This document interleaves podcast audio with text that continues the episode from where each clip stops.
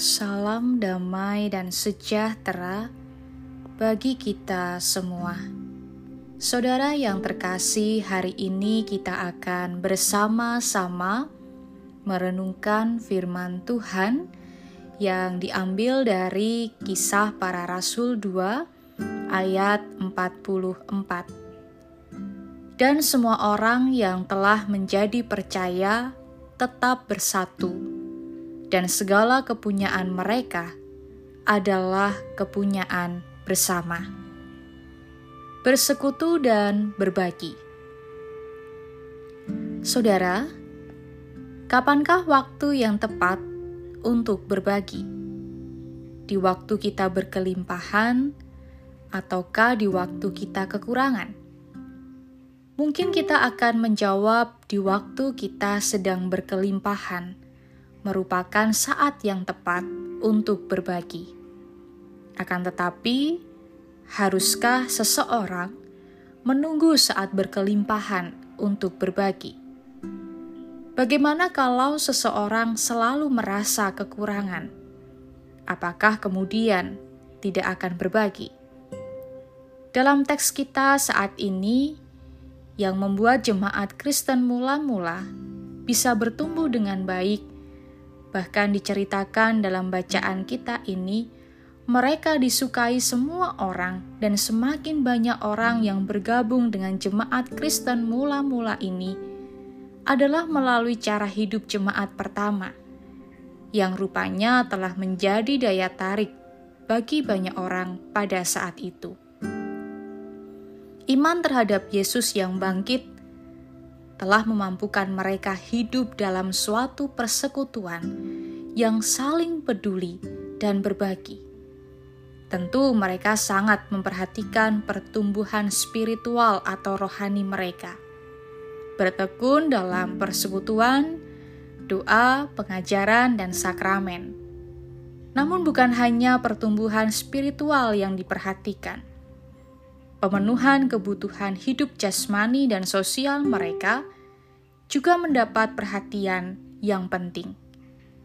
Dalam kesatuan dan kebersamaan mereka, segala kepunyaan mereka adalah kepunyaan bersama. Harta benda pribadi yang mereka miliki dijual dan dibagi-bagikan kepada sesama sesuai dengan keperluan masing-masing mereka juga bertumbuh bersama dalam mendukung dan menopang permasalahan-permasalahan sosial yang mereka hadapi. Sungguh, mereka meneladani cara hidup Yesus.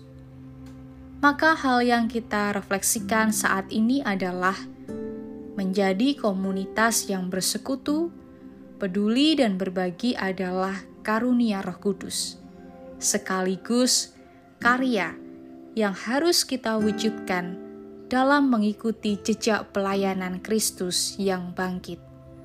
Marilah kita hayati cara hidup pribadi dan persekutuan yang peduli dan berbagi ini sebagai karunia, sekaligus kesempatan untuk berkarya bagi Tuhan dan sesama.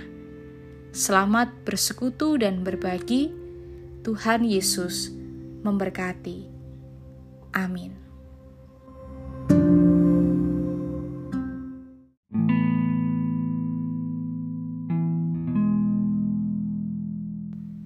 Salam damai dan sejahtera bagi kita semua.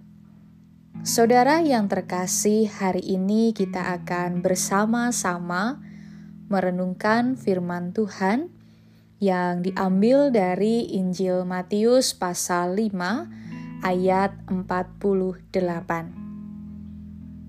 Karena itu haruslah kamu sempurna, sama seperti Bapamu yang di surga adalah sempurna.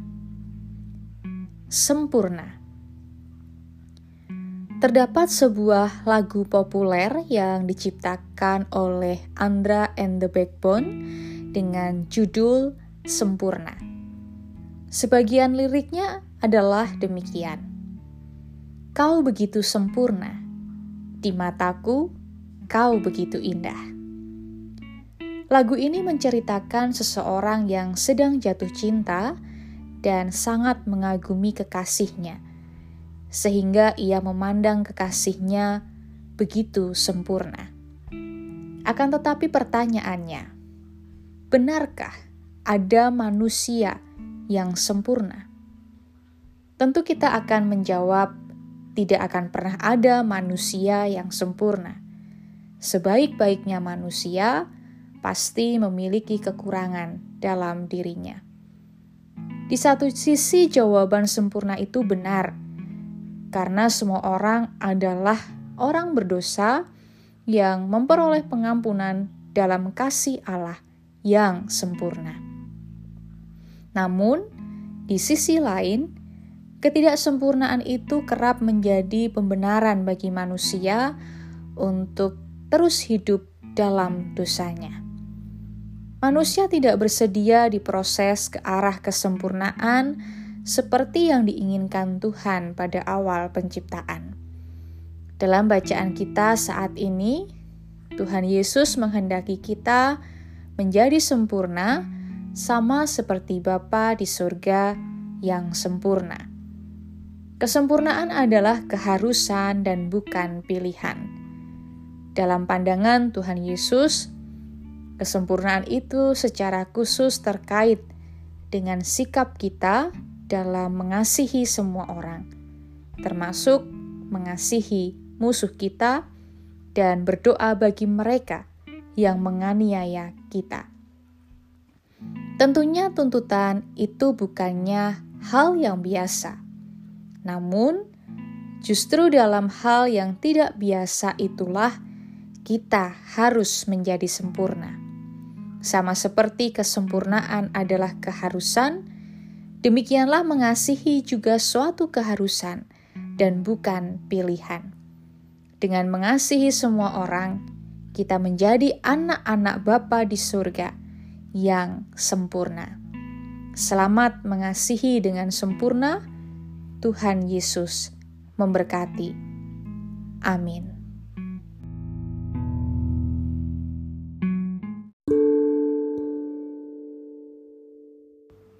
Salam damai dan sejahtera bagi kita semua. Saudara yang terkasih, hari ini kita akan bersama-sama merenungkan firman Tuhan yang diambil dari Efesus pasal 4 ayat 17. Sebab itu kukatakan dan kutegaskan ini kepadamu di dalam Tuhan, Jangan hidup lagi sama seperti orang-orang yang tidak mengenal Allah dengan pikirannya yang sia-sia. Manusia baru pada umumnya, orang senang dengan hal-hal yang baru. Salah satunya adalah pakaian baru. Seandainya belum dapat membeli pakaian baru, orang berusaha menampilkan pakaian lamanya secara baru, entah dengan menambah hiasan atau dengan merombak menjadi model yang berbeda. Paulus mengingatkan umat Kristen di kota Efesus agar hidup sesuai dengan iman mereka kepada Tuhan Yesus Kristus. Iman kepada Kristus seharusnya mendorong mereka untuk berperilaku baik sebagaimana Tuhan ajarkan. Paulus mengajak mereka menanggalkan manusia lama yang menunjukkan banyak kecemaran dan mengenakan manusia baru yang memancarkan kekudusan. Itu berarti kita sebagai orang Kristen seharusnya adalah menjadi pribadi yang setia belajar dan berubah, menjadi seperti Yesus. Semakin hari semakin menjadi baik sesuai dengan kehendak Allah. Bagaimanakah perilaku manusia baru di dalam Kristus itu? Paulus menerangkan, manusia baru akan berperilaku baik dan benar Kebenaran ini akan teruji melalui perilaku kita dalam hidup sehari-hari. kita akan sungguh hidup mengikuti Injil Kristus. Dengan pertolongan Roh Kudus, kita akan hidup menjadi berkat bagi banyak orang di sekitar kita demi kemuliaan Allah. Semangat berproses menjadi manusia baru, Tuhan Yesus memberkati. Amin.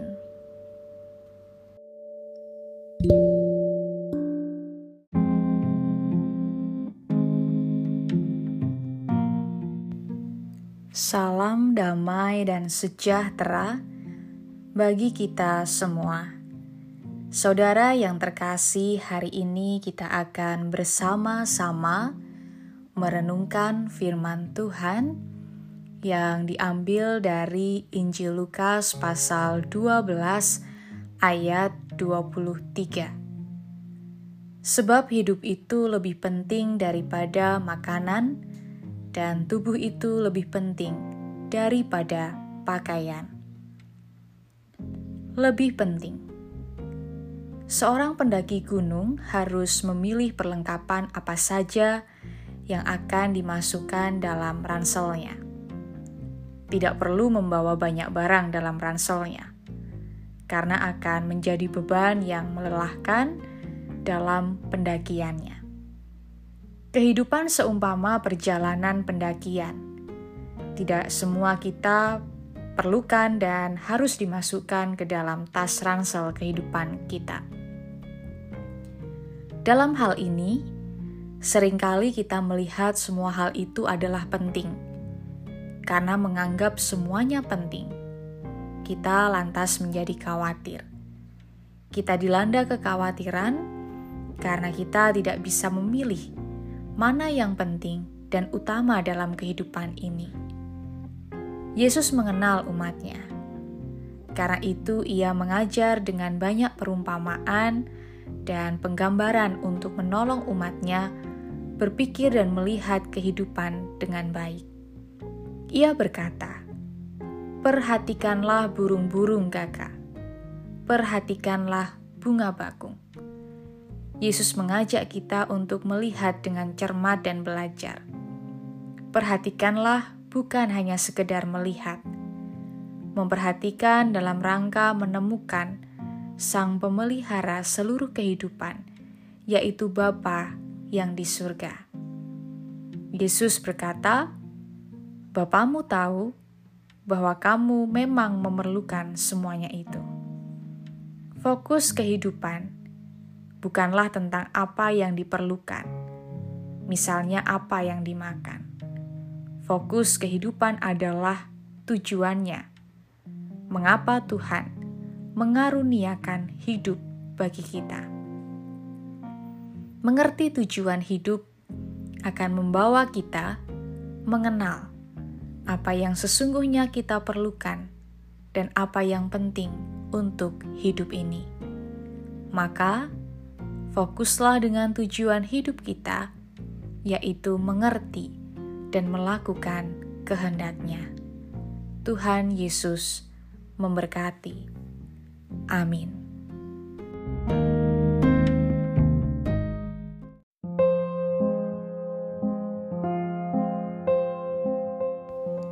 Salam damai dan sejahtera bagi kita semua.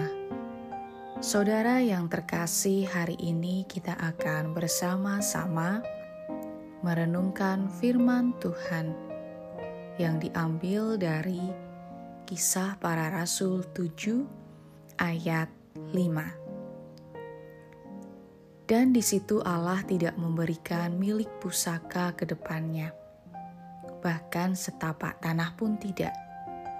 Tetapi ia berjanji akan memberikan tanah itu kepadanya menjadi kepunyaannya dan kepunyaan keturunannya walaupun pada waktu itu ia tidak mempunyai anak.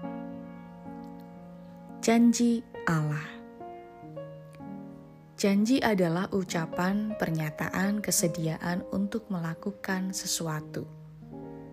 Janji juga bisa berarti persetujuan antara dua pihak. Kedua arti itu menunjukkan bahwa saat seseorang berjanji, ia harus menepatinya. Padahal, janji selalu melibatkan sesuatu yang belum ada atau belum terjadi. Misalnya, saat ia berjanji dalam janji pernikahan akan menjadi suami dan istri yang setia, ia baru akan menjadi suami dan istri. Jadi, Janji mensyaratkan adanya kepercayaan dan keyakinan bahwa janji itu akan ditepati. Saat Allah berjanji akan memberikan tanah kepada Abraham dan keturunannya, Abraham belum memiliki anak. Berdasarkan cerita di Alkitab, khususnya di Kitab Kejadian, kita tahu bahwa Abraham sempat hendak menjadikan anak budaknya sebagai ahli waris karena sampai usia tua ia tetap belum memiliki anak. Namun, kita tahu bahwa Allah kemudian menepati janjinya. Abraham memperanak Iska dan keturunannya menempati tanah perjanjian Palestina. Karya Allah bagi manusia kadang dirasakan seperti janji kosong. Akibatnya, manusia sangat mudah untuk berubah percaya. Namun, belajar dari janji Allah kepada Abraham, kita bisa yakin jika Allah menepati janjinya kepada Abraham, Ia juga pasti menepati janji penyertaannya kepada setiap orang. Kita pun diajak untuk menepati janji-janji kita kepada Allah. Tetaplah teguh karena Allah pasti menepati janjinya bagi kita dan jangan pernah suka ingkar janji dengan siapa pun. Tuhan Yesus memberkati. Amin.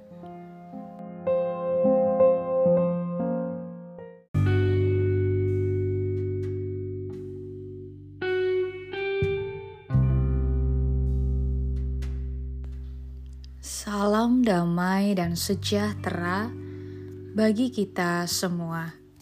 Saudara yang terkasih, hari ini kita akan bersama-sama merenungkan firman Tuhan yang diambil dari Injil Lukas pasal 12 ayat 43. Berbahagialah hamba yang didapati tuannya melakukan tugasnya itu ketika tuannya itu datang. Setia, katanya, mempertahankan lebih sulit daripada mendapatkan. Ketika seorang laki-laki jatuh cinta dengan seseorang perempuan dan ia ingin mendapatkannya, maka ia akan berusaha keras untuk mendapatkan bahkan membuat perempuan tersebut jatuh cinta kepadanya. Namun, ketika sudah mendapatkan cintanya dan bahkan hidup berkeluarga, merasa bahwa sudah mendapatkan sehingga sering menjadi terlena, bahkan merasa tidak perlu ada upaya lagi untuk mempertahankan cinta. Akibatnya, bisa jadi relasi menjadi biasa-biasa saja bahkan menjadi tidak harmonis karena tidak mampu mempertahankan cinta. Begitu juga dengan mendapatkan posisi sebagai hamba Tuhan, itu relatif mudah. Seseorang hanya perlu mengenal Tuhan, lalu bertobat, dan menyatakan diri percaya serta tunduk kepadanya. Namun, bagaimana dengan mempertahankan diri tetap setia sebagai hambanya? hal itu akan menjadi hal yang lebih sulit. Seorang hamba sekalipun bisa merasa angkuh, sehingga tidak lagi tunduk kepada tuannya. Seorang hamba bahkan bisa merasa diri sendiri sebagai tuan ketika sang tuan tidak selalu tampak bersama-sama dengannya. Menjadi hamba yang setia bukanlah hal yang mudah. Sebagai orang Kristen, godaan untuk menjadi tidak setia sangatlah besar. Tidak setia mungkin bukan dengan beralih dari iman Kristen. melainkan dengan bertindak sebagai tuan. Seperti hamba dalam kisah Lukas, orang Kristen bisa menjadi tuan dan hakim terhadap semua orang. Karena itu, mari beriman dengan setia, sehingga kita tidak jatuh ke dalam kesombongan dan mengambil alih posisi Tuhan kita. Tuhan Yesus memberkati. Amin.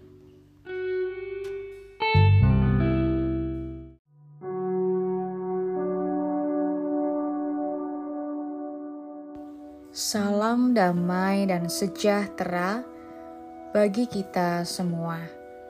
Saudara yang terkasih, hari ini kita akan bersama-sama merenungkan firman Tuhan yang diambil dari Mazmur 74 ayat 11.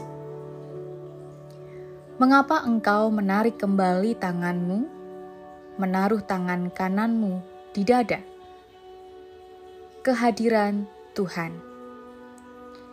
Di saat mengalami musibah, sakit berat, atau bencana, kita sering sulit merasakan kehadiran Tuhan. Yang kita rasakan justru sebaliknya, yaitu kita merasa bahwa Tuhan tidak peduli, Tuhan tega, atau Tuhan diam saja umat Israel pernah mengalami malapetaka nasional, yaitu tentara Babel menyerang dan menghancurkan Yerusalem dan Bait Allah. Padahal, Bait Allah adalah pusat peribadahan mereka. Saat merenungkan malapetaka itu, pemazmur bertanya kepada Tuhan, "Mengapa engkau menarik kembali tanganmu, menaruh tangan kananmu di dada?"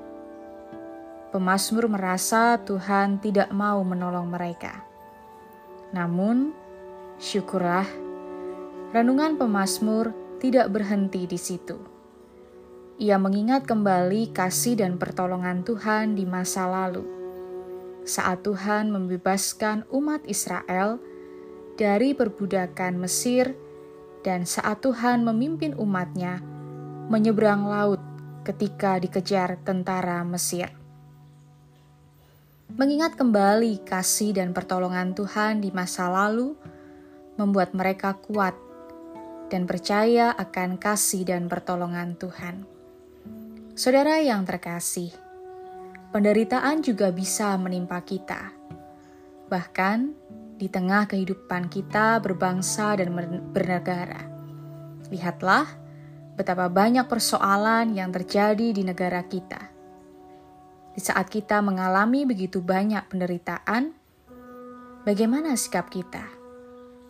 Ingatlah bahwa Tuhan tetap hadir, kasih dan pertolongan Tuhan nyata melalui berbagai cara.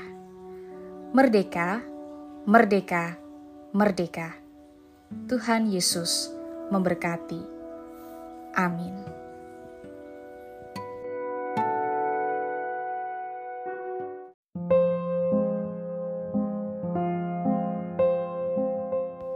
Salam damai dan sejahtera bagi kita semua.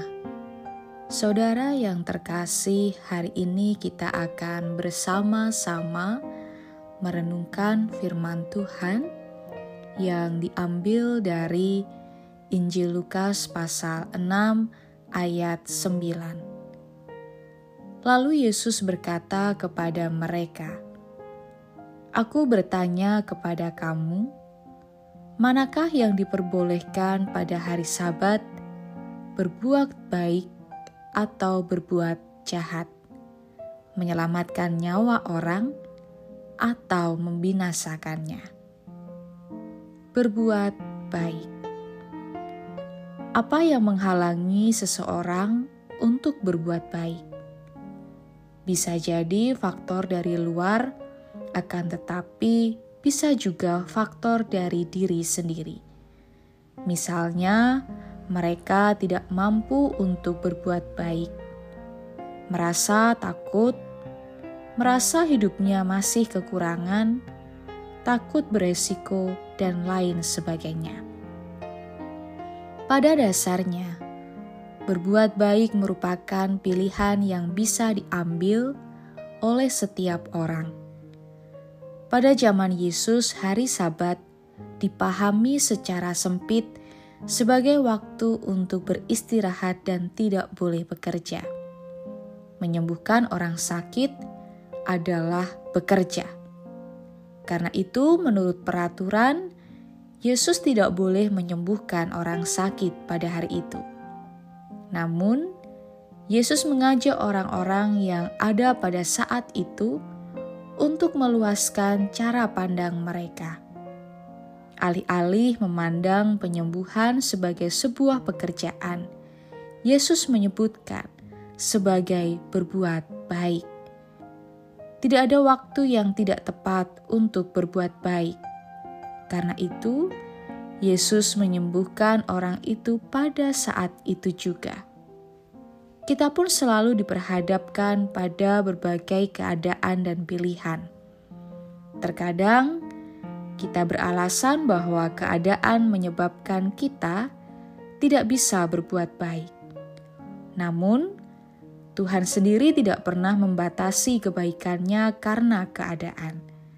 Karena itu, belajar dari tindakan Yesus, seharusnya kita pun melepaskan diri dari belenggu ketakutan dan aturan untuk berani memilih berbuat baik dalam segala keadaan. Dengan demikian, hari apa pun dan kapan pun adalah kesempatan untuk berbuat baik. Marilah tetap berbuat baik kapan pun, di mana pun, dan dengan siapa pun. Tuhan Yesus memberkati. Amin.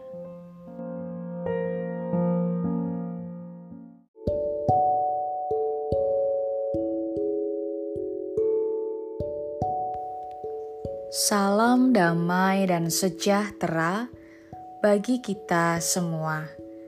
Saudara yang terkasih, hari ini kita akan bersama-sama merenungkan firman Tuhan yang diambil dari Injil Lukas pasal 14 ayat 16 sampai 18. Tetapi Yesus berkata kepadanya, "Ada seorang mengadakan perjamuan besar, dan ia mengundang banyak orang."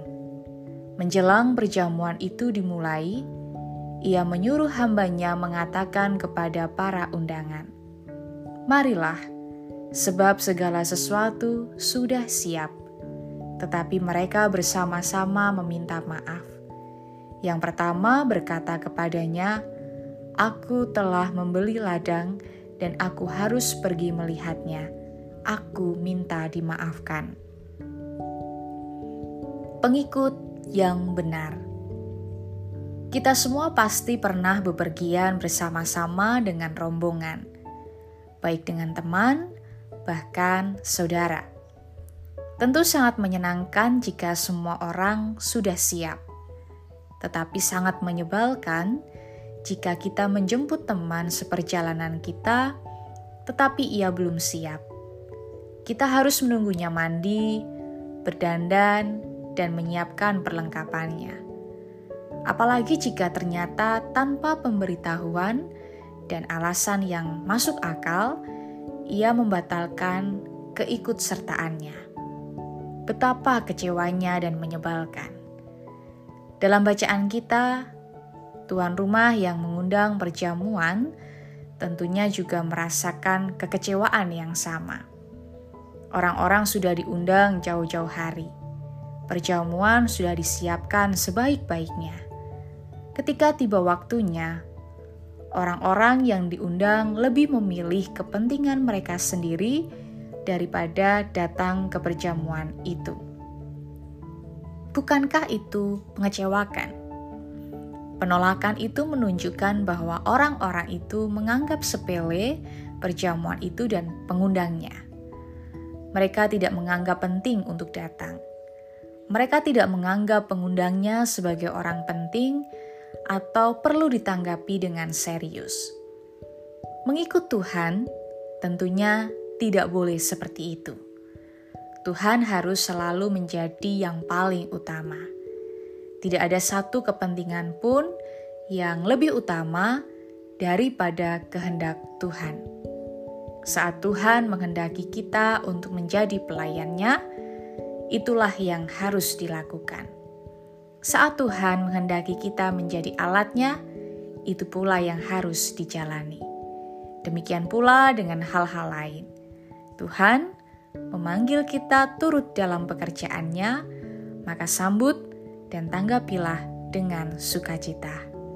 Tuhan Yesus memberkati. Amin.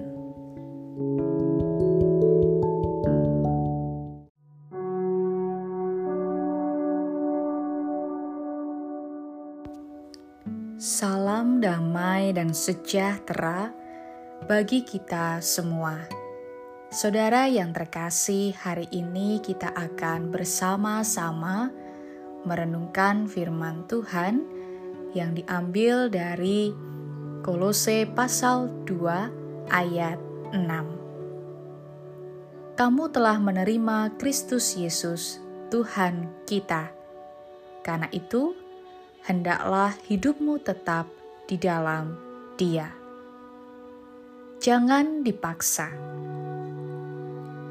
Apa pun yang dipaksakan atau terpaksa dilakukan tidak akan berakhir dan menghasilkan hal yang baik, karena pikiran, perasaan, dan tindakan tidak berjalan selaras.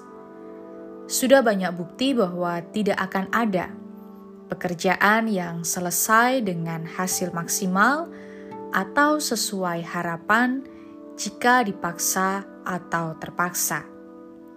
Namun, jika dilakukan dengan tulus dan sukacita, pekerjaan seberat apa pun menjadi ringan dan menyenangkan.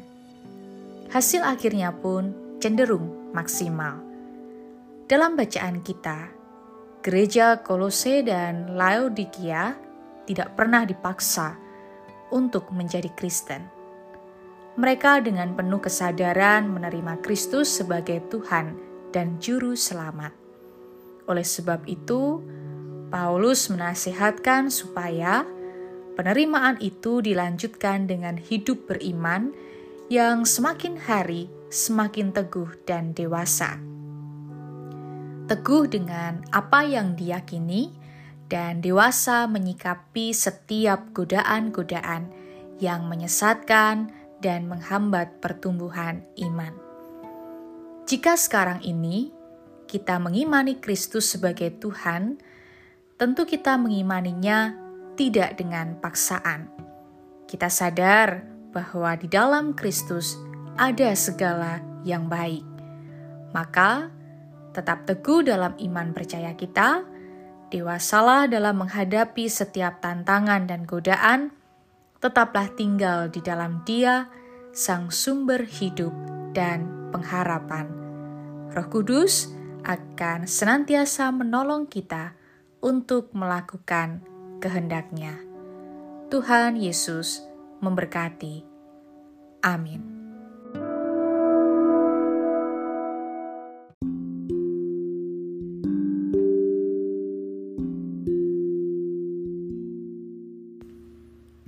Salam damai dan sejahtera bagi kita semua.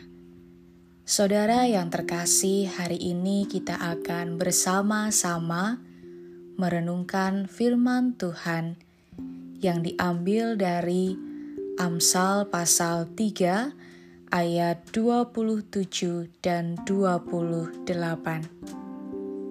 Janganlah menahan kebaikan daripada orang-orang yang berhak menerimanya, padahal engkau mampu melakukannya Janganlah engkau berkata kepada sesamamu, "Pergilah dan kembalilah, besok akan kuberi." Sedangkan yang diminta ada padamu. Jangan menunda berbuat baik. Ada sebuah kisah di mana ada dua orang perempuan yang bersahabat dekat. Sebut saja Ana dan Nina. Suatu ketika Anna mengirimkan pesan kepada Nina melalui WhatsApp dan mengatakan bahwa ia perlu meminjam uang yang jumlahnya tidak sedikit. Lalu Nina bertanya kepada Anna, mau untuk keperluan apa uangnya. Akan tetapi, Anna tidak menjawab secara jelas untuk keperluan apa. Dia hanya mengatakan dia sangat membutuhkan uang tersebut. Kondisi Nina pada saat itu juga sedang pas-pasan, tetapi ia tahu betul dan kenal betul sifat Anna, sehingga apabila ia meminjam, itu tentu untuk sesuatu yang sangat penting. Lalu Nina memutuskan untuk meminjamkan sesuai yang Ana minta. Meskipun konsekuensinya ia harus menghemat betul pengeluaran setelahnya. Tidak berselang, tidak lama berselang, Nina menerima kabar yang membuat ia sangat terpukul. Sahabat baiknya meninggal dunia di sebuah rumah sakit. Ternyata uang yang dipinjam oleh Anna untuk biaya berobat dan opname.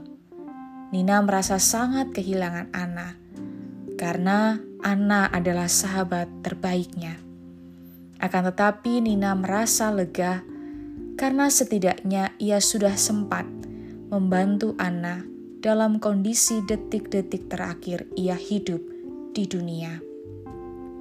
Saudara yang terkasih, ada banyak orang yang lebih suka menunda-nunda untuk melakukan sesuatu, apalagi dalam hal berbuat baik, yang sering kali merupakan perbuatan tanpa imbalan apa-apa, sebuah pekerjaan sukarela yang justru menyita waktu dan pengorbanan-pengorbanan lainnya. Salomo menyampaikan, "Janganlah menahan kebaikan daripada orang-orang yang berhak menerimanya." padahal engkau mampu melakukannya. Saat ini kita belajar untuk tidak menunda-nunda berbuat baik atau melakukan kebaikan kepada siapa pun. Berbuat baik tidak menunggu kita berkelimpahan atau dalam kondisi baik, tetapi berbuat baik itu kapan pun, di mana pun, dan kepada siapa pun. Berbuat kebaikan tidak hanya berbicara mengenai materi, melainkan bisa hadir lewat berbagai bentuk. Perhatian, kasih sayang, kesabaran, dukungan moral, memberi masukan atau pertimbangan atau nasihat, meluangkan sedikit dari waktu kita, dan sebagainya. Itu pun merupakan bentuk dari kebaikan. Jangan menunda untuk melakukan sesuatu untuk orang-orang yang membutuhkan. Jangan mengelak Jangan mengaku tidak mampu, padahal kita sebenarnya tahu bahwa kita mampu untuk melakukannya. Maka, ketika hari ini kita diberikan kesempatan untuk berbuat baik, berbuat baiklah. Jadilah berkat bagi orang lain. Tuhan Yesus memberkati. Amin.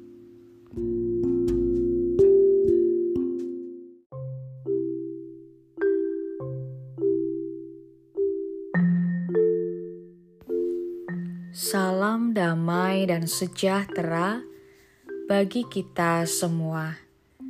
Saudara yang terkasih, hari ini kita akan bersama-sama merenungkan firman Tuhan yang diambil dari Yeremia pasal 4 ayat 1 dan 4. Jika engkau mau kembali, hai Israel, demikianlah firman Tuhan, kembalilah engkau kepadaku. Dan jika engkau mau menjauhkan dewa-dewamu yang menjijikkan, tidak usahlah engkau melarikan diri dari hadapanku. Sunatlah dirimu bagi Tuhan, dan jauhkanlah kulit katan hatimu. Hai orang Yehuda dan penduduk Yerusalem, supaya jangan murkaku mengamuk seperti api, dan menyala-nyala dengan tidak ada yang memadamkan oleh karena perbuatan-perbuatanmu yang jahat. Bersihnya hati. Ada seorang anak yang tertunduk dan tidak berani menatap wajah ibunya. Ia menyadari perbuatannya itu tidak hanya telah melukai hati, tetapi sekaligus juga menghancurkan harapan ibunya. Namun, ibu ini mengatakan, "Meski ibu kecewa dengan perbuatanmu, kamu tetaplah anak ibu." Ketika telah mengecewakan orang yang mencintai kita, di sana ada rasa malu, takut, dan ragu. Apakah orang tersebut benar-benar mau menerima dan mempercayai kita lagi atau tidak? Begitu juga Yehuda sepertinya malu dan ragu. Benarkah Tuhan mau menerima mereka kembali sebagai umatnya? Ataukah jangan-jangan Tuhan telah amat murka kepada mereka? Tuhan memahami kegelisahan dan keraguan umatnya itu. Jika engkau mau kembali, hai Israel, demikianlah firman Tuhan. Kembalilah engkau kepadaku. Dan jika engkau mau menjauhkan dewa-dewamu yang menjijikan, tidak usahlah engkau melarikan diri dari hadapanku. Rasa bersalah dan penghakiman diri yang teramat besar merupakan faktor utama yang membuat kita enggan kembali kepada dekapan kasih Allah. Allah mengerti, dan kalau Dia mengampuni, maka itu bukan setengah-setengah, tuntas. Yang diharapkan dari kita hanya satu: pertobatan yang sesungguhnya. Sunatlah dirimu bagi Tuhan, dan jauhkanlah kulit katan hatimu. Melalui ungkapan ini, Tuhan mau hati kita bersih Bertobat itu bukan hanya di mulut saja, melainkan berusaha membersihkan hati dari perbuatan yang mendukakan hati Tuhan. Semangat berjuang untuk membersihkan hati kita dari segala yang jahat dan jauh dari kebenaran. Tuhan Yesus menolong dan memberkati. Amin.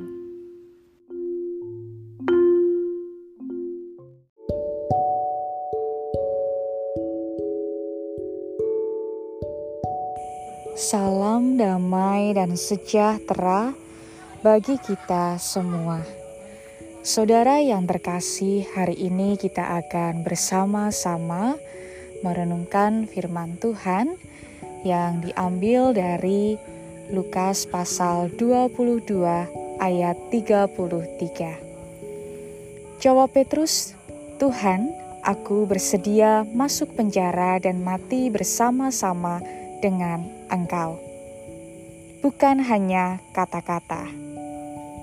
Ada seorang perempuan yang bernama Theodora yang tinggal di Antioquia. Ia adalah seorang pengikut Kristus yang menentang penyembahan kaisar dan dewa-dewi Romawi. Theodora ditangkap dan diadili gubernur Antioquia. Ia dipaksa untuk meninggalkan iman kepada Tuhan Yesus tetapi ia menolak tegas. Theodora menyatakan Kristus sebagai satu-satunya yang patut disembah. Bukan hanya kata-kata yang dinyatakan oleh Theodora tentang imannya kepada Tuhan, tetapi juga perbuatan nyata. Demi dan dalam iman, Theodora disiksa dan akhirnya dihukum mati. Di hadapan Yesus dengan tegas Petrus menyatakan kata-kata hebat. Tuhan, aku bersedia masuk penjara dan mati bersama-sama dengan Engkau. Bukannya merasa senang, Yesus malah menegaskan bahwa Petrus akan mengingkari pernyataannya itu. Ketika situasi sulit dan bahaya terjadi, Petrus menyangkal Yesus tiga kali. Setelah penyangkalan terjadi, Yesus pun berpaling memandang Petrus. Tetapan Yesus itu membuat Petrus sedih Itulah tatapan yang mengingatkan kelemahan diri Petrus. Namun, itulah juga tatapan kasih yang memberi Petrus kesempatan untuk bertobat dan menjadi kuat. Mengikut Yesus dengan setia memang bukan perkara mudah. Tidak hanya kata-kata, tetapi juga aksi nyata seharusnya dilakukan. Belajar dari Petrus dan Theodora, kita berusaha untuk berkata-kata dengan sadar diri Kita mengungkapkan kata-kata bukan hanya yang jadi luapan emosi belaka, tetapi yang sungguh jadi nyata. Oleh karena itu, marilah wujud nyatakan iman kita melalui kata dan perbuatan nyata. Tuhan Yesus memberkati. Amin.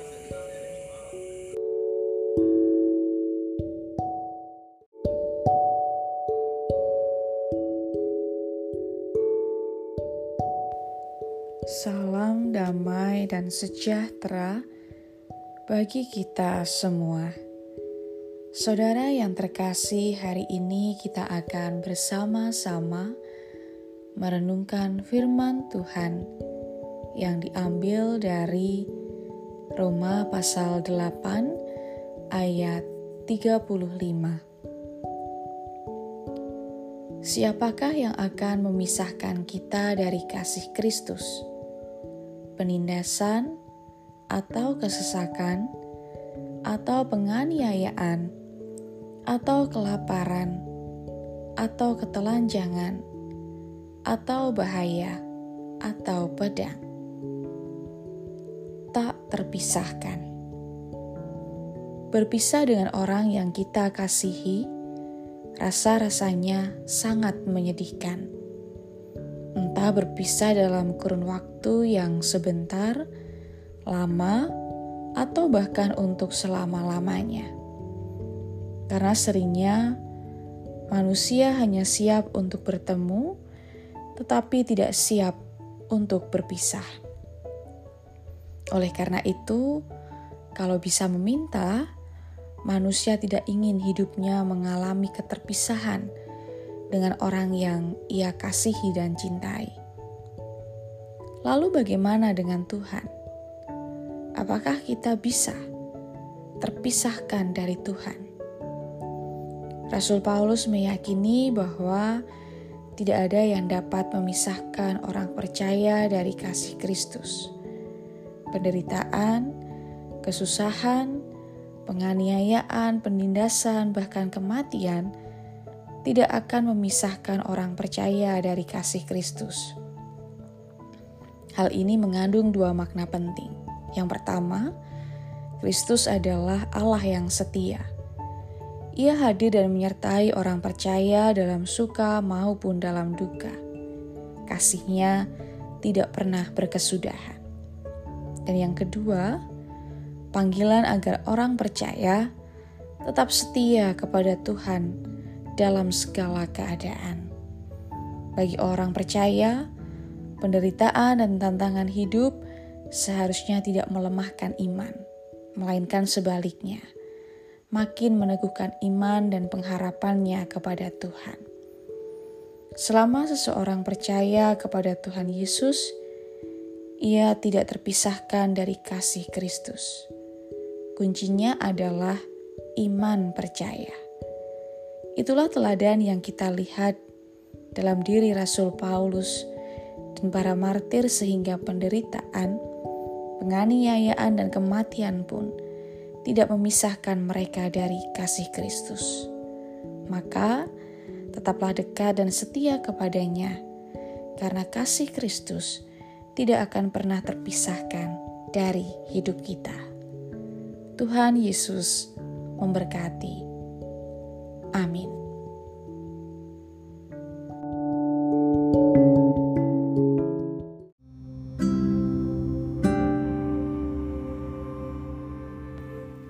Salam damai dan sejahtera bagi kita semua. Saudara yang terkasih, hari ini kita akan bersama-sama merenungkan firman Tuhan yang diambil dari Injil Lukas pasal 20 ayat 46 dan 47.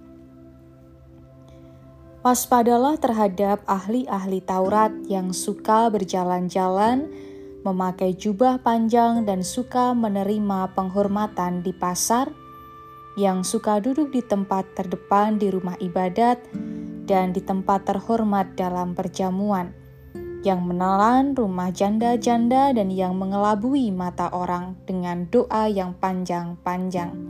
Mereka itu pasti akan menerima hukuman yang lebih berat. Palsu Para ulama yang dihormati, disegani dan mereka tampak berwibawa dengan jubah mereka yang panjang. Bahkan begitu fasih melantunkan doa-doanya. Namun, mengapa Yesus justru tidak begitu respek dengan mereka? Ternyata kesalehan mereka itu palsu. Ternyata perbuatan mereka sangat tidak terpuji. Mereka adalah orang-orang yang gila hormat dan tidak berbudi. Oleh karena itu, Yesus membongkar kepalsuan ahli-ahli Taurat itu. Ternyata mereka tidak sebaik penampilannya. Hal itu dinyatakan Yesus dengan terbuka agar para murid tidak meniru kesalehan palsu mereka. Yesus kemudian menunjukkan arti kesalehan yang sebenarnya. Hal itu dapat dilihat dalam diri seorang janda miskin. Penampilannya tidak meyakinkan memang. Pasti ia tidak bisa berdoa sefasih para ahli Taurat, apalagi berdebat tentang Taurat. Namun, ia dijadikan teladan oleh Yesus. Apa yang dilakukannya tampak sangat sederhana ia datang ke bait Allah dan memasukkan persembahan dua peser. Namun, apa yang dilakukannya menunjukkan kesalehannya. Ia tidak pamer kehebatan di depan orang banyak. Ia hanya ingin mempersembahkan seluruh nafkahnya dengan tulus kepada Allah. Kesalehan itu sederhana. Lakukan apa yang dapat dilakukan untuk Tuhan dengan kesungguhan berikanlah apa yang bisa diberikan kepada Tuhan. Itu kesalehan sejati.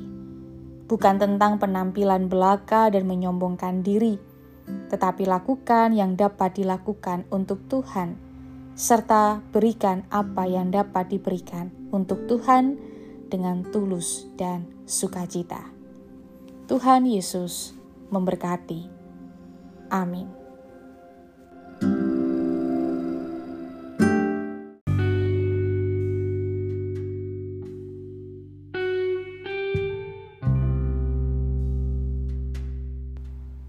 Salam damai dan sejahtera bagi kita semua. Saudara yang terkasih, hari ini kita akan bersama-sama merenungkan firman Tuhan yang diambil dari Efesus pasal 2 ayat 10.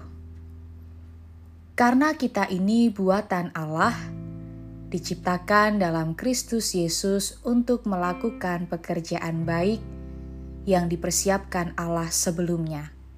Ia mau supaya kita hidup di dalamnya. Diciptakan untuk kebaikan.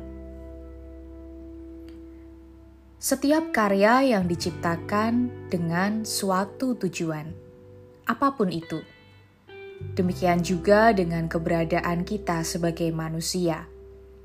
Ketika Allah menciptakan kita sebagai manusia, pasti ada maksud dan tujuan baik yang Allah hendak lakukan melalui keberadaan kita. Hanya saja, manusia terkadang tidak mau taat kepada ketetapan Allah, malah memilih mengikuti keinginannya sendiri. Pada akhirnya, manusia pun jatuh dalam dosa sehingga gagal mencapai tujuan yang ditetapkan Allah. Manusia sudah mati karena pelanggaran-pelanggaran dan dosa-dosanya. Manusia tidak dapat lagi hidup sesuai maksud dan tujuan Allah menciptakan dia. Semua manusia hidup dalam dosa dan terus mengikuti jalan dunia. Mereka hidup dalam hawa nafsu daging dan menuruti kehendak serta pikiran mereka yang jahat. Apakah itu berarti bahwa Allah gagal mencapai maksud dan tujuannya? Tentu tidak. Manusia yang telah jatuh ke dalam dosa memang tidak dapat lagi memenuhi tuntutan tujuan Allah menciptakannya tetapi Allah tidak gagal melaksanakan maksud dan tujuannya. Di dalam Kristus, Allah telah melimpahkan rahmatnya atas kita, orang-orang yang berdosa. Sehingga di dalam Kristus, setiap kita dapat menjadi ciptaan yang baru, yang tidak lagi dikuasai oleh dosa. Sebagai manusia baru, kita dipanggil untuk kembali pada maksud dan tujuan Allah menciptakan kita. Ia mau kita melakukan pekerjaan baik yang sudah dipersiapkannya. Jangan lagi menentang dan melawan Allah, tetapi mari berjuang mewujudkan maksud dan tujuannya. Tuhan Yesus memberkati. Amin.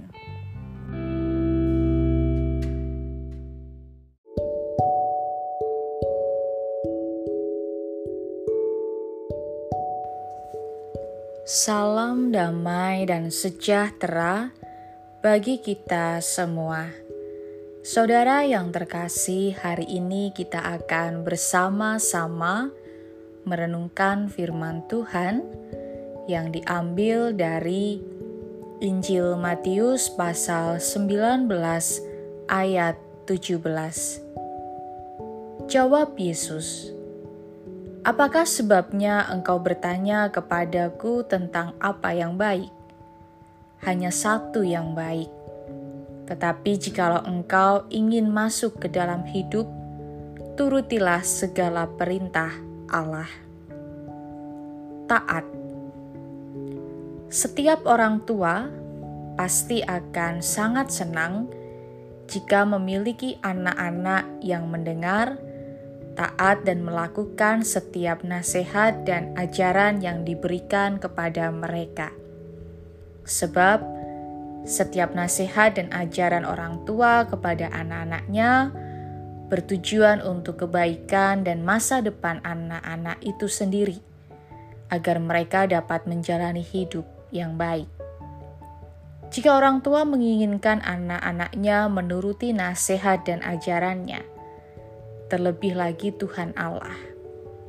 Demikian dinyatakan Yesus saat seorang muda yang kaya bertanya tentang perbuatan baik apa yang harus dilakukan untuk memperoleh hidup kekal. Yesus berkata, "Turutilah segala perintah Allah." Menjadi umat yang penurut adalah hal yang menyenangkan hati Allah itu berarti menjadikan firman-Nya yang utama untuk dilakukan. Orang muda itu ternyata telah menuruti seluruh perintah Tuhan yang berkaitan dengan sepuluh perintah Tuhan. Tetapi ia merasa ada yang kurang. Yesus lalu mengatakan kepadanya agar menjual segala miliknya dan memberikan kepada orang miskin. Mendengar itu, orang muda itu pergi dengan sedih Menuruti perintah Tuhan memang tidak mudah, apalagi jika harus mengorbankan apa yang kita miliki. Tetapi menuruti perintah Tuhan Allah berarti menuruti secara utuh dan menyeluruh. Kita tidak dapat memilih-milih apakah perintahnya menyenangkan untuk dilakukan atau tidak. Meskipun tidak mudah, seperti halnya ajaran orang tua kepada anak-anaknya, bukankah perintah Allah selalu untuk kebaikan hidup umatnya? Tuhan Yesus memberkati. Amin.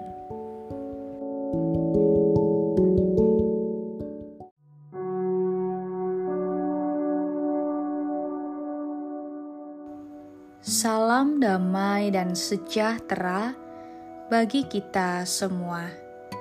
Saudara yang terkasih, hari ini kita akan bersama-sama merenungkan firman Tuhan yang diambil dari Ratapan 3 ayat 22 dan 23. Tak berkesudahan kasih setia Tuhan, tak habis-habisnya rahmatnya, selalu baru tiap pagi besar kesetiaanmu.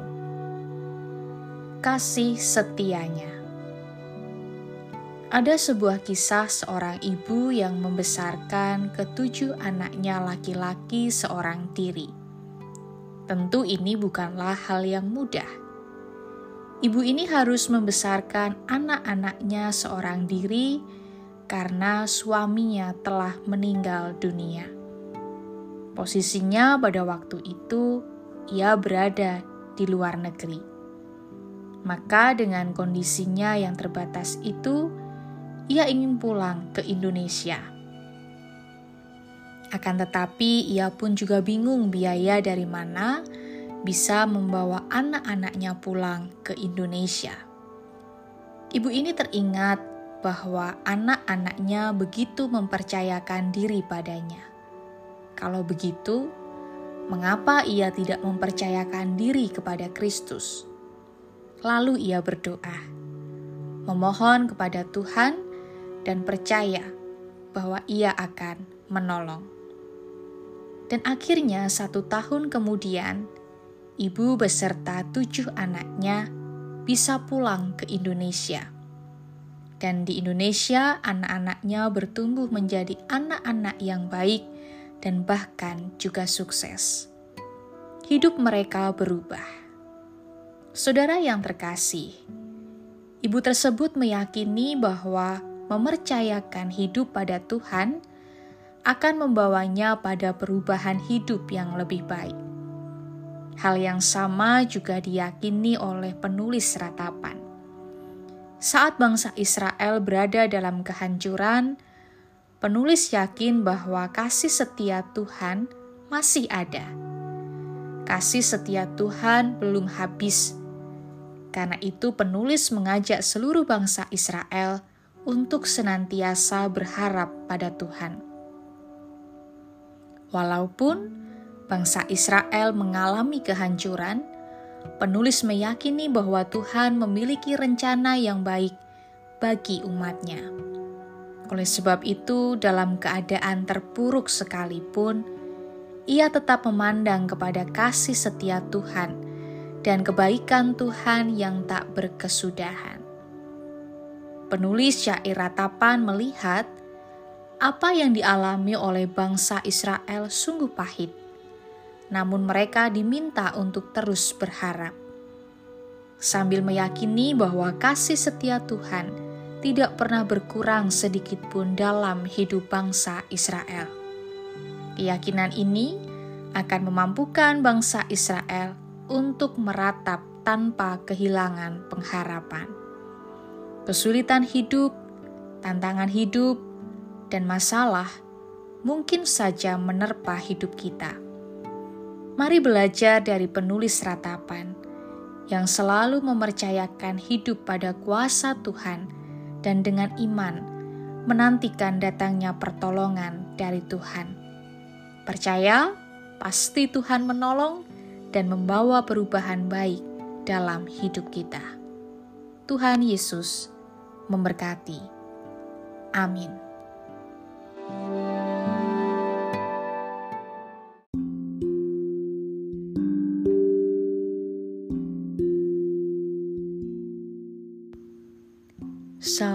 Damai dan sejahtera bagi kita semua. Saudara yang terkasih, hari ini kita akan bersama-sama merenungkan firman Tuhan yang diambil dari Injil Markus pasal 11 ayat 22 dan 24. Yesus menjawab mereka, "Percayalah kepada Allah. Karena itu aku berkata kepadamu, apa saja yang kamu minta dan doakan, percayalah bahwa kamu telah menerimanya." maka hal itu akan diberikan kepadamu. Percayalah. Saya baru mantap kalau yang berdoa adalah pendeta. Doanya itu manjur, kata seorang anggota jemaat. Bukankah ini sering terjadi? Banyak orang memiliki pemahaman seperti itu. Memang, doa itu mampu mengubah segala sesuatu tetapi hal itu sebenarnya tidak terkait dengan jabatan seseorang. Hal yang menentukan hasilnya adalah Tuhan dan keyakinan kita kepadanya. Pada bacaan kita saat ini, Yesus mengajarkan sikap iman dan keyakinan yang benar. Percayalah kepada Allah. Kepercayaan atau keyakinan yang dapat melakukan hal yang tak mungkin menjadi mungkin. Yesus mengumpamakan hal itu bagaikan memerintahkan gunung berpindah. Syaratnya percaya bahwa hal itu akan terjadi. Itulah maksud Yesus di balik janjinya yang mengagumkan itu.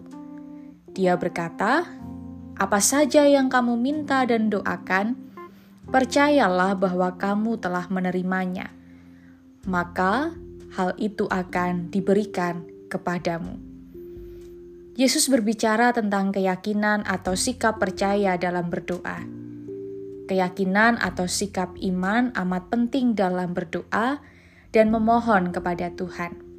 Dan kedua, keyakinan berkaitan dengan penyerahan diri kita secara total kepada Allah di dalam kesungguhan iman yang sesuai dengan kehendaknya. Kita memang berdoa bukan hanya ketika mengalami pergumulan dan persoalan hidup. Namun, jika saat ini kita memiliki persoalan, bawalah kepada Tuhan dengan sikap percaya yang sungguh. Lewat keyakinan yang disertai kuasa Tuhan, kita dapat melakukan perkara yang ajaib. Percayalah, Tuhan Yesus memberkati. Amin.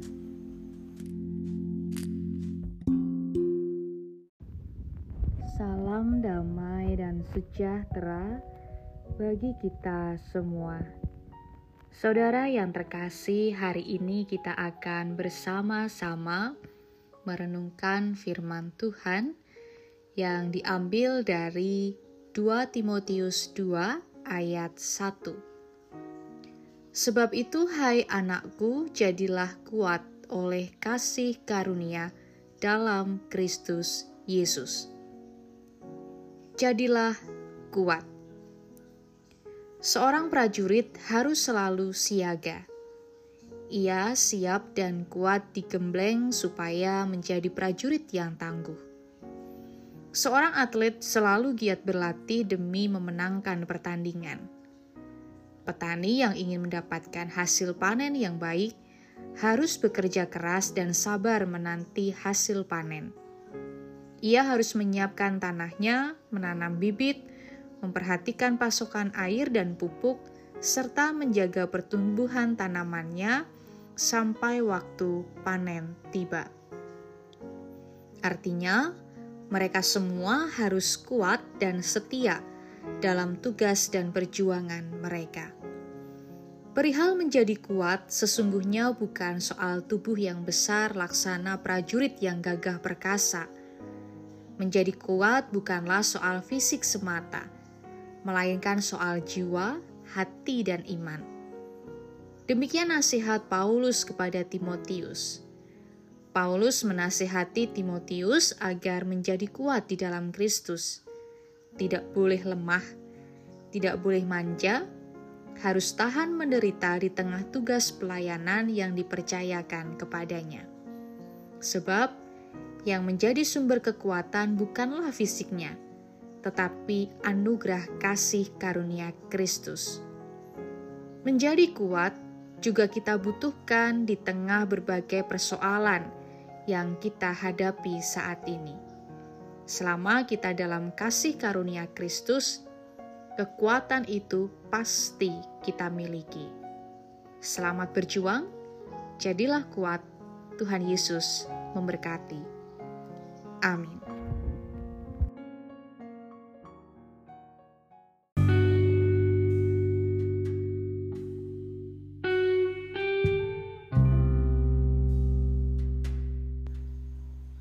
Salam damai dan sejahtera bagi kita semua.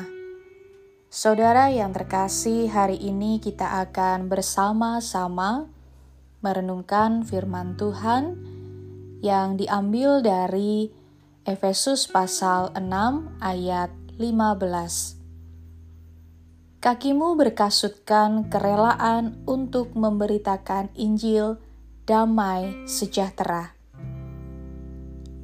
Rela. Saudara yang terkasih, kita sering mendengar kata rela.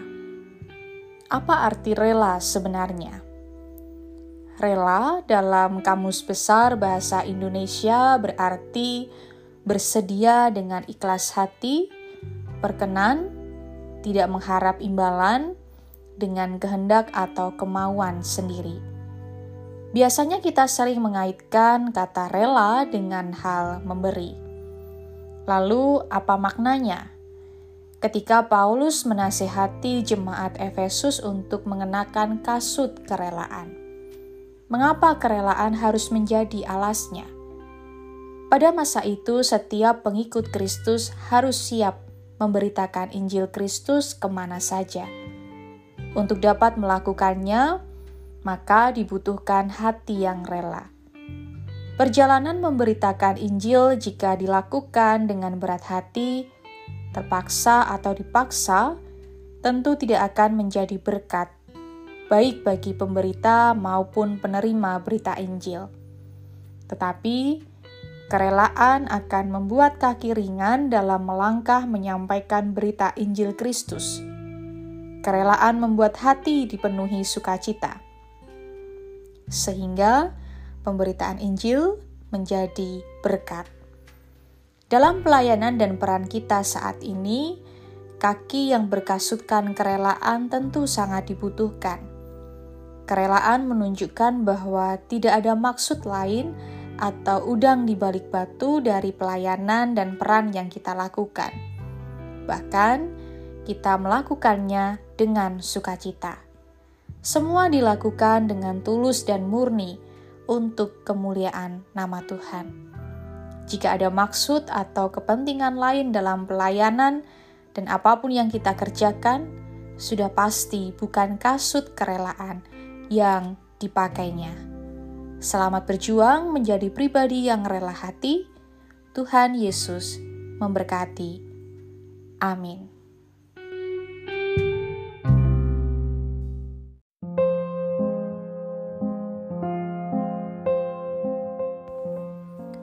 Salam damai dan sejahtera bagi kita semua.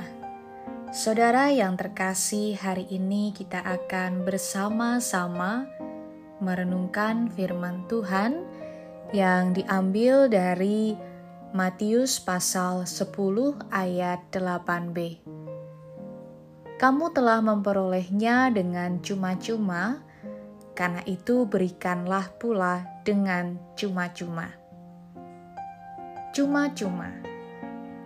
Siapa yang tidak senang ketika menerima sesuatu secara cuma-cuma, apalagi jika yang diterimanya itu sangat berguna dan berharga?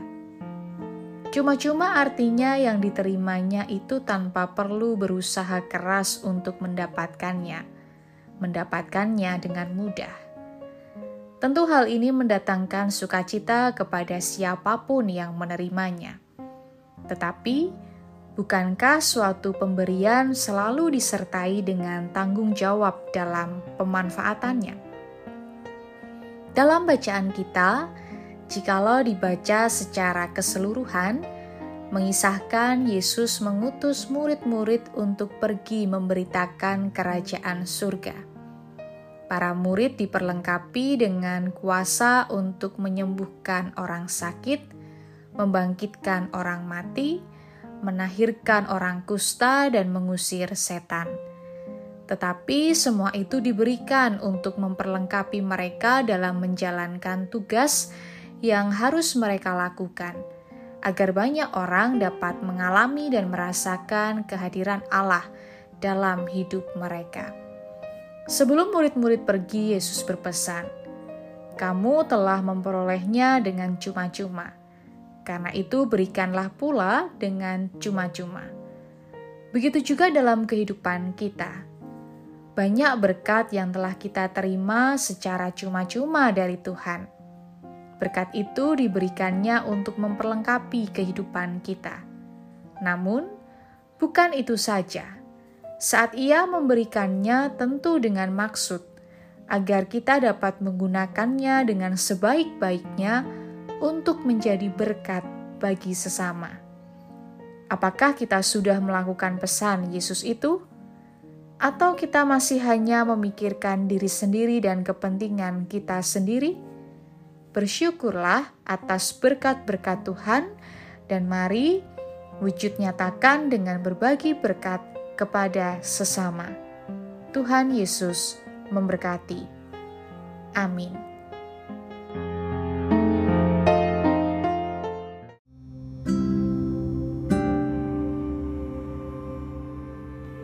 Salam damai dan sejahtera bagi kita semua.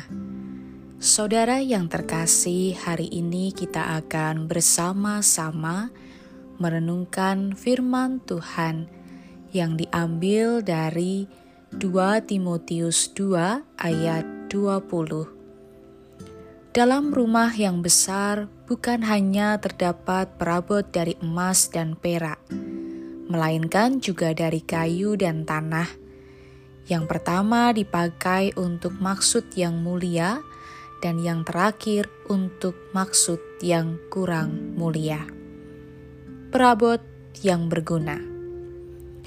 Perabotan rumah tangga yang kita beli tentu memiliki kegunaan tertentu. Namun, seiring jalannya waktu, perabot tersebut bisa jadi akan kotor dan bahkan rusak, sehingga perabot itu tidak berfungsi lagi kegunaannya. Demikian juga sama dengan gambaran kehidupan orang Kristen yang sudah tidak lagi menghasilkan buah dalam bacaan kita saat ini, Paulus memberi nasihat kepada Timotius yang sedang berhadapan dengan para pengajar sesat di jemaatnya. Selain itu, sebagian jemaat juga tampaknya suka menentang dan hidup dengan mengutamakan kenikmatan duniawi. Paulus menasihati Timotius agar ia bisa menunjukkan bagaimana hidup sebagai teladan iman, dan mendidik di dalam kebenaran firman Tuhan. Hal yang diajarkan Paulus itu sangat bertentangan dengan kebiasaan hidup pada masa itu, tetapi itu adalah nasihat untuk hidup yang menyenangkan hati Tuhan. Hidup yang disarankan Paulus adalah hidup yang membebaskan diri dari segala pengaruh kenajisan sehingga bagai perabotan rumah tangga, seorang tidak kehilangan kegunaannya yang istimewa. Hidup yang mulia menjadi sebuah panggilan kita. Bagai perabot rumah tangga, kita akan dipakai Tuhan untuk melakukan pekerjaan-pekerjaan yang besar demi hormat dan kemuliaan nama Tuhan. Maka, hiduplah sebagai Kristen yang sejati yang keutamaannya adalah mengkuduskan diri, setia, penuh kasih, dan damai dalam persekutuan dengan Tuhan. Tuhan Yesus memberkati. Amin.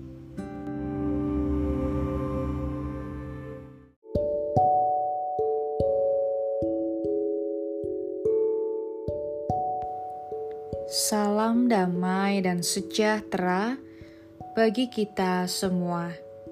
Saudara yang terkasih, hari ini kita akan bersama-sama merenungkan firman Tuhan yang diambil dari Injil Lukas pasal 22 ayat 42. Ya Bapakku, jikalau engkau mau, ambillah cawan ini daripadaku. Tetapi bukanlah kehendakku, melainkan kehendakmulah yang terjadi. Kehendakmulah yang terjadi. Katanya, lawan terbesar dalam hidup kita adalah diri sendiri. Saat kita begitu menyayangi diri sendiri, saat itulah pencobaan datang. Misalnya saja kita sangat suka dengan sate kambing, padahal kita mengidap hipertensi. Tidak dimakan sayang, tetapi bila dimakan berbahaya. Kita pun nekat, makan sedikit saja tidak apalah, biar tidak penasaran. Nantikan langsung minum obat. Begitulah kekalahan kita ketika melawan diri sendiri. Saat menjelang kematiannya, Yesus menghadapi godaan terbesarnya, yaitu godaan untuk menyimpang dari jalan Bapaknya. Saat Yesus mengajak murid-muridnya ke Bukit Zaitun, ia menyuruh para murid berdoa supaya tidak jatuh dalam pencobaan. Perhatikan kata yang dipakai adalah jatuh, bukan terjatuh. Jadi, ada aspek pilihan atau unsur kesengajaan meskipun keadaan dapat mempengaruhi kita dan membuat kita jatuh ke dalam pencobaan. Yesus sendiri pun harus mengalahkan pencobaan terbesarnya, yaitu keinginan dirinya, dan Yesus menang. Dalam upaya kita untuk taat kepada Allah, terkadang kita menghadapi pencobaan yang berat. Saat kita menghadapi pencobaan itu, kita harus menyadari bahwa kemampuan kita saja akan membuat kita gagal. Namun, bila kita melibatkan kuasa Tuhan dan berpengharapan kepadanya, kita akan menang. Yesus mengalahkan keinginan dirinya dan menempuh jalan ketaatan kepada Bapaknya. Dan biarkanlah hanya kehendak Tuhanlah yang terjadi dalam hidup kita. Tuhan Yesus memberkati. Amin.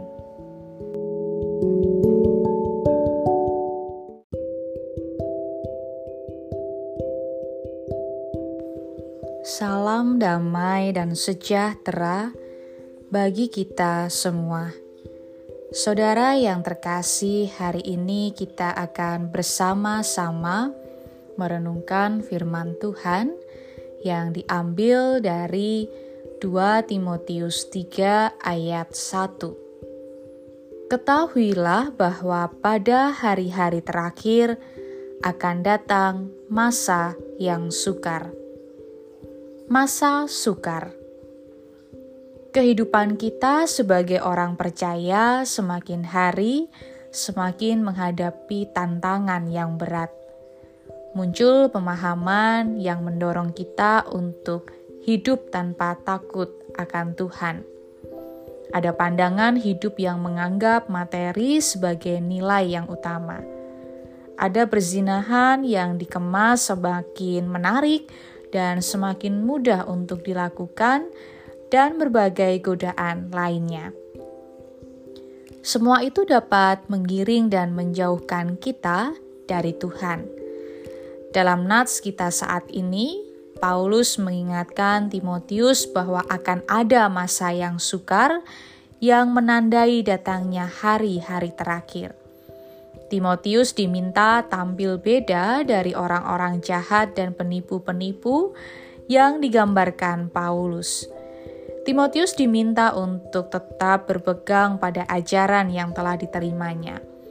Prinsip itu juga sangat penting pada masa kini seperti halnya Timotius, kita pun akan mengalami waktu-waktu yang sukar.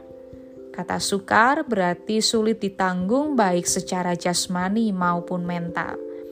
Kita perlu mengetahui hal ini supaya kita siap menghadapi berbagai tantangan. Terkadang kita menjalani masa-masa yang sukar dalam hidup. Bila perjalanan hidup kita sukar, kita dipanggil untuk makin tekun mendalami firman Tuhan, semakin dekat berserah kepada Tuhan, dan tidak hidup hanya untuk diri sendiri. Hanya dengan cara demikian, terang Kristus tetap memancar di tengah dunia yang semakin penuh kegelapan.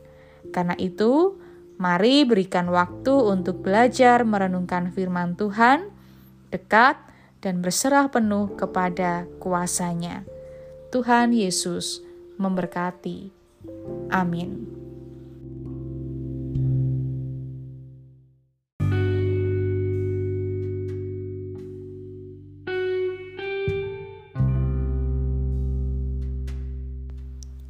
Salam damai dan sejahtera bagi kita semua. Saudara yang terkasih, hari ini kita akan bersama-sama merenungkan firman Tuhan yang diambil dari 2 Korintus pasal 1 ayat 7. Dan pengharapan kami akan kamu adalah teguh, karena kami tahu bahwa sama seperti kamu turut mengambil bagian dalam kesengsaraan kami, kamu juga turut mengambil bagian dalam penghiburan kami. Pengharapan dalam penderitaan. Tidak semua orang bisa dengan mudah menerima penderitaan yang terjadi dengan begitu saja. Ada yang mempertanyakan kebaikan Allah, ada juga yang mempertanyakan mengapa harus dirinya yang mengalami penderitaan itu dan bukan orang lain. Ada juga orang yang langsung menyelidiki dosa-dosa yang menjadi penyebab penderitaannya. Akan tetapi, Paulus melihat penderitaannya secara berbeda. Penderitaan itu begitu besar dan begitu berat hingga membuat Paulus putus asa. Kita tidak tahu penderitaan apa yang sesungguhnya dihadapi Paulus tetapi ia sampai merasa seolah dijatuhi hukuman mati. Dalam keadaan seperti itu, Paulus hanya dapat mempercayakan dirinya kepada Tuhan yang membangkitkan orang mati. Paulus berharap bahwa Tuhan akan menyelamatkannya, karena melalui penghiburan yang dia terima dari Tuhan Paulus menjadi sanggup untuk menghibur mereka yang sedang menghadapi penderitaan juga. Saudara yang terkasih, hari ini kita diingatkan juga, dikuatkan kembali, seberat apa pun penderitaan dan pergumulan hidup yang sedang kita alami, Tuhan senantiasa memberikan penghiburan dan pengharapan bagi kita. Oleh karena itu, jangan menyerah dengan persoalan-persoalan hidup karena Tuhan senantiasa menolong dan memberikan pengharapan bagi setiap kita yang percaya kepadanya. Dan kita juga diutus untuk menghibur mereka yang sedang menderita. Oleh karena itu, penderitaan seharusnya bukan menjauhkan kita dari Tuhan, melainkan membawa kita lebih dekat kepadanya. Selain itu, akan membawa kita juga semakin peduli dan berempati dengan sesama kita. Tuhan Yesus memberkati. Amin.